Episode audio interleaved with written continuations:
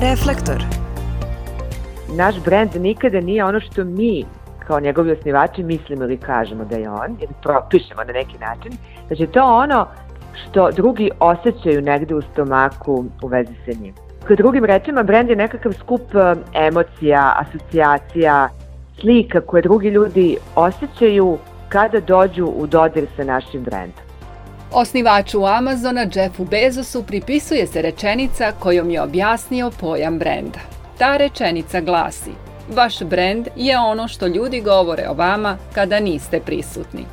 On je uspeo da od svoje kompanije napravi brend, a to je verovatno i želja svakog malog i velikog preduzetnika koji ima zadatak da na tržištu bude isti, ali ipak drugačiji da njegov proizvod ili usluga bude ono na što su kupci navikli, ali da im ipak ponudi i nešto novo, da prati trendove, ali ne po svaku cenu. Izgraditi brend izgleda nije baš jednostavan posao, put je dug, konkurencija velika, a tržište zahtevno. Stara poslovica kaže 100 ljudi, 100 čudi. Pa kako se onda izdvojiti i kupcima biti asocijacija na reč brend? Zdravo, ja sam Brankica Matić, a slušate Reflektor, podcast portala Storyteller u kojem svake druge srede promovišemo preduzetništvo i dobre poslovne ideje na lokalu. U ovoj epizodi govorimo o brendiranju, bez kojeg se proizvod ili usluga neće dugo zadržati na tržištu. Neki nama i danas poznati brendovi pojavili su se na tržištu pre više vekova. Uspeli su da izgrade i zadrže poseban odnos, mišljenje i emociju koju kupci imaju prema njihovom proizvodu ili usluzi. A za stvaranje i trajanje brenda jedino važno jesu osjećanja zbog kojih će potrošači u moru istih ili sličnih izabrati baš vas ili vaš proizvod. Jedan od dobro poznatih domaćih brendova je Petro Petrovački kulen ili Petrovska klobasa, koju je ove godine poznati gastronomsko-turistički vodič Taste Atlas uvrstio na listu najboljih svetskih proizvoda od mesa. Jaroslav Popović iz Bačkog Petrovca predsednik je zemljoradničke zadruge Kulen, koja okuplja proizvođače ovog specialiteta. Napisao je i knjigu posvećenu gastronomskom brendu, čija priča počinje još u 18. veku, kada se u Vojvodini naseljavaju Slovaci. Kaže, Petrovački kulen nije brend zbog imena, već ukusa i kvaliteta po kojem ga ljudi prepoznaju. Kad već govorimo o brendu, treba shvatiti kompleksan značaj te reči brend. E, jer neko misli da je to neka sveska gde se brendovi upisuju, a brend je, kako da kažemo, stvari neki osjećaj potrošača ili percepcija nekog proizvoda da je to njemu dobro i tako da, i tako dalje. U, u tom smislu, zbog svih tih svojih specifičnosti, vremenom je Petrovska klobasa kulen zasluže da se njemu govori o, kao o brendu. Kulen se pravi u različitim mestima. Hvale se njime brojni proizvođači, ali samo je jedan petrovački kulen. Kupci su navikli na taj ukus ili imaju druge razloge zbog kojeg će među brojnim sličnim proizvodima od mesa uvek pre izabrati petrovsku klobasu.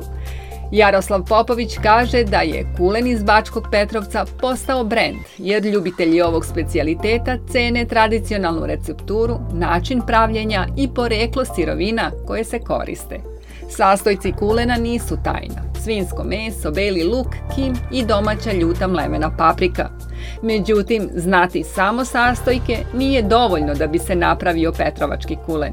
Iza ovog brenda stoje godine iskustva veštih majstora i način pravljenja koji se prenosi generacijama. On mora biti pikantan, ali ne prejako, ali ne prejako tog ljutog ukusa. E, ta pikantnost mora se stvarati postepeno. Crvena, ravnomerna boja e, se dobija od e, te naše domaće začinske crvene paprike tu što se opet kroz vrijeme taj miris, rekao bih neki, kako da kažem, dinarskim rečnikom svojevrstan buke koji objedinjuje sve te sastojke koji se u kulen stavljaju. Mora biti konzistentan sastav, bez puno masnoće, rub preseka, ne se biti crno i kako mi kažemo zapečen. Treba da su dimljeni sa određenim vrstama drveta da imaju lepu tamno-crvenkastu boju kad se obime, da se ne osjeća dim, da nisu zapečeni, da nisu e, zatvarani klipsama, već vezani. Mislim, i to je ta neka specifičnost koja daje osjećaj tom potrošaču ili kupcu da je to taj naš kulen. Petrovska klobasa je proizvod sa oznakom geografskog porekla, a kao zaštićeni brend ima i svoj vizuelni identitet. Time se, ističe Jaroslav Popović, dodatno gradi poverenje među kupcima i doprinosi boljem pozicioniranju na tržištu. U Bačkom Petrovcu kulen se pravi u gotovo svakom domaćinstvu, a pošto već imaju brend, proizvođači sada treba da nađu način i ubede kupce da prilikom kupovine izaberu baš njihov proizvod. Brend ne nastaje preko noći. Potrebno je vreme, a odluku da li će nešto postati brend uvek na kraju donosi tržište, odnosno potrošači. Prema rečima Svetlane Ćopić, koja je kreativna direktorka u oblasti oglašavanja, brende ne čine logo ili ime, pa čak ni konkretan proizvod. Važne su samo emocije ili asocijacije koje ljudi imaju kada pomisle na određeni brend. Biti drugačiji prvi je korak ka stvaranju brenda u stvaranju brenda važe sasvim suprotno pravilo od onoga koje su nam negde ponavljali kad smo bili mali. Uh, ono kad kažu, ako svi nešto rade ovako, pa nisi ti vede baš najpametniji i luda da radiš nešto drugačije. Međutim, upravo je suprotno kada hoćemo da pravimo taj nekakav jasan i prepoznatljiv brend, bit ćemo potpuno ludi pod navodnicima da radimo nešto što neko drugi već radi. Znači, ako bih nekako maksimalno pojednostavila kako nastaje brend, kako izgleda taj proces, on se sastoji od, ko prvo, pronalaženja onoga što naš brend će činiti ili ga možda, što je često slučaj, već čini da, to mi, da toga mi nismo svesni, radikalno drugačijim od ostalih brendova u našoj oblasti, a onda kada to pronađemo, nekako, to je kao da smo pronašli nekakav ključ, onda naš zadatak postaje da tu različitost negujemo, da naglašavamo i da ističemo u svemu što taj brand radi i načinu na koji on komunicira. Znači od identiteta do nekakvih kampanja. Nadalje, svaki uspešan brend mora da ima jasnu viziju, misiju, cilj i poruku. I svi ti nevidljivi elementi treba da nađu put do svesti kupaca, koji će onda postati njegovi verni korisnici i poštovalci. Kao što nije jednostavno objasniti pojam brenda, isto tako nije ga lako ni napraviti. Bilo da se stvara globalni ili mali lokalni brend, do cilja se dolazi na isti način uz rad, strategiju, planiranje i kreativnost. Ali se na kraju sve isplati jer kada stvori brend, preduzetnik ili kompanija može da kaže da ima najveću vrednost koja ne mora da ima vek trajanja, kaže Svetlana Ćopić. Ima ona jedna anegdota kao da je direktor Coca-Cola navodno jednom izjavio možete sve da mi uzmete, samo mi ostavite ime.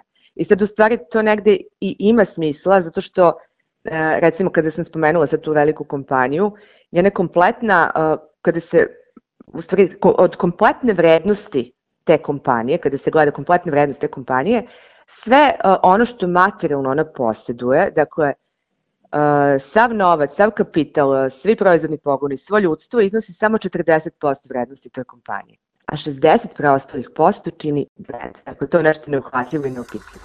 Često se brendiranje pogrešno poistovećuje sa marketingom. Ovo jesu aktivnosti koje se dopunjuju, ali je prvo neophodno osmisliti i definisati jasan brend, a onda kroz marketing graditi njegovu prepoznatljivost.